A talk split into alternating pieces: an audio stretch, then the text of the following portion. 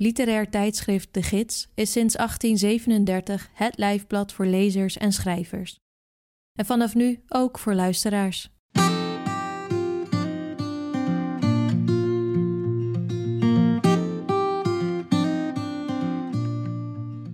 Je luistert naar Sprekende Letteren, een podcast van literair tijdschrift De Gids.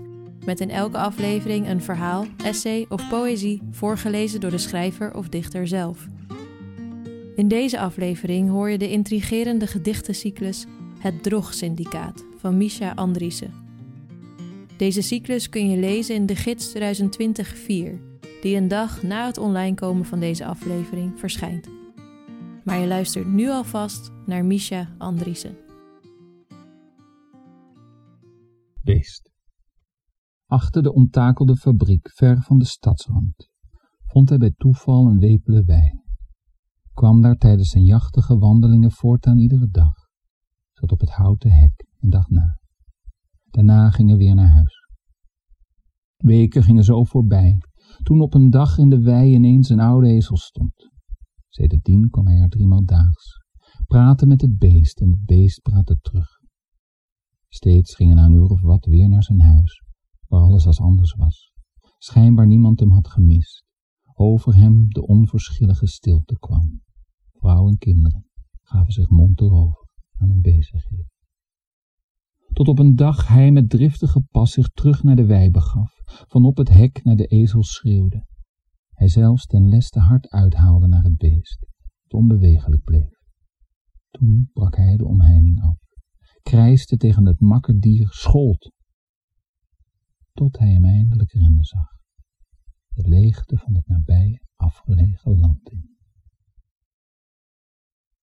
Noach. En het regende eindeloos de eerste dag, het regende op de tweede en de derde toen per sms de alarmmelding kwam ter test en hij zich eindelijk vermande. Eilig zijn huis verliet, overal de sloten van de hokken sloeg en de beesten van hem wegrennen zag. Hij ze zocht, de vierde, vijfde, zesde dag. De zevende vond hij een verdronken slang in het water. Rende naar huis sloot ramen en deuren af met plastic dekzeil en dikke balken, draaide zo ver als kon alle kranen open toen en ging op de houten vloer liggen, meldde zich veilig, vouwde op zijn buik zacht zijn handen samen. Ila. Traag en zwaar groeide een steen in haar, een pratende, steeds pratende steen juist nu ze wist dat van binnen nooit meer leven kwam.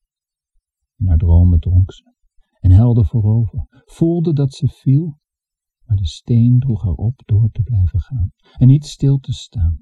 Een kleine proef, lachte de steen. Zonder mij komt iedereen er wel doorheen. Kijk nou eens wat je hebt voortgebracht. Je moet met hem mee. Waarom, als ik vragen mag? Ben je dan zo zwaar, zei zij. Denk na, zei de steen weet wat je vraagt. Droog.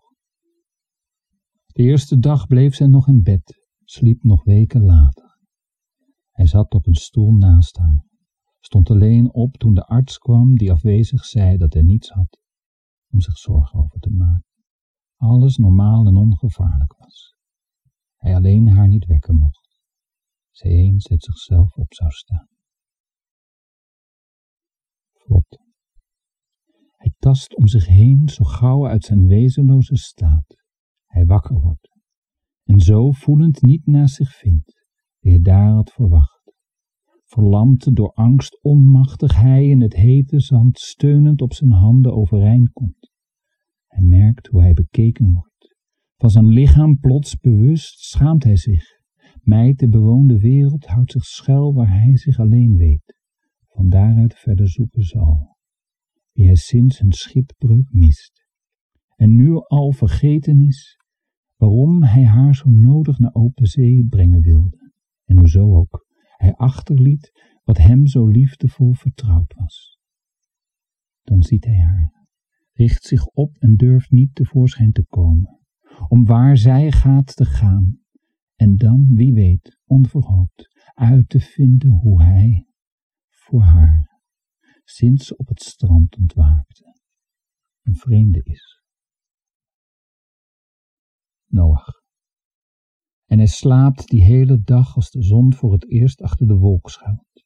Slaapt een tweede en een derde dag, als het water vlot door kieren dringt, door het raam dat openwaaide boven, waar zijn beide zonen slapen. Zijn vrouw slaapt.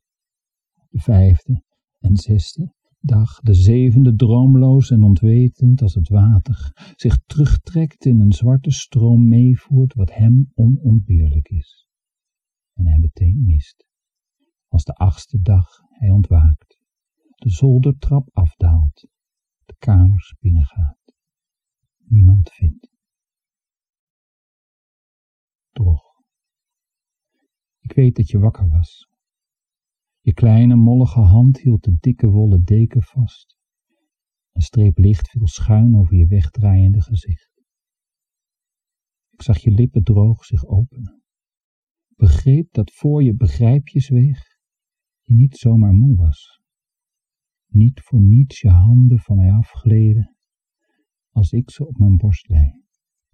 Ik, ik laat je zei, de deken optilde, je witte lichaam zag, spierennaakt en bewegingloos. Keihard kneep, toen je moeder bij de deur huilend vroeg, begrijp je het nu? En ik begreep hoe giftig je op je slaap gebeten was. Je alleen voor mij even wakker was geweest. Precies.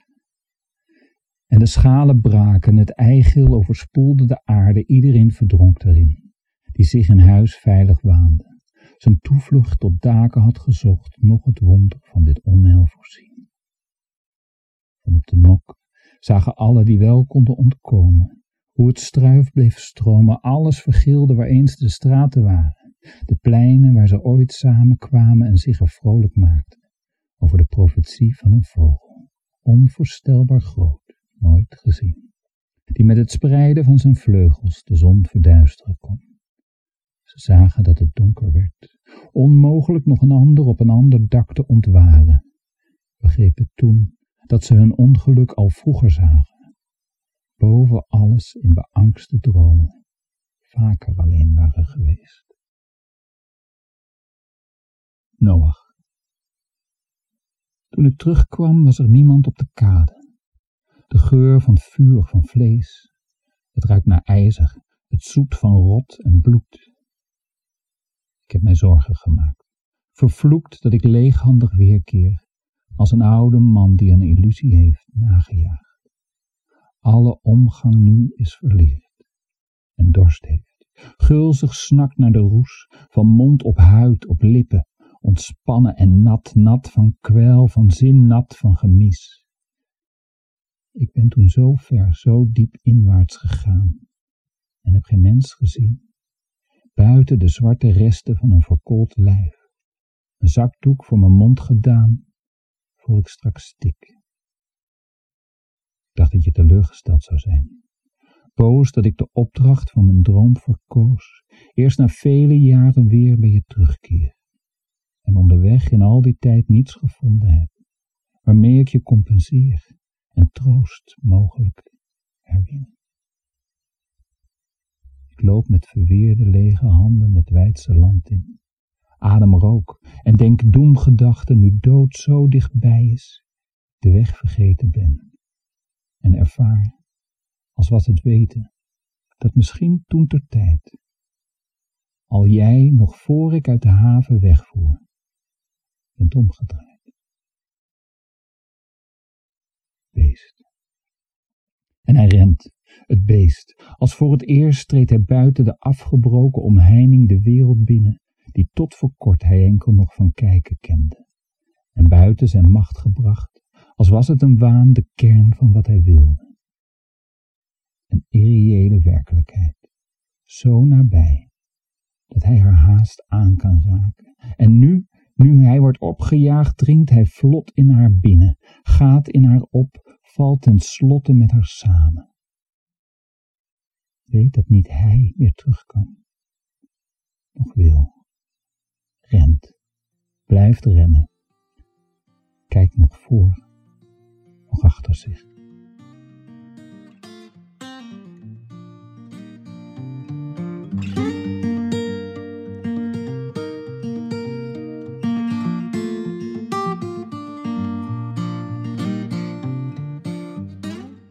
Je hoorde het drogsyndicaat een gedichtencyclus van Misha Andriessen.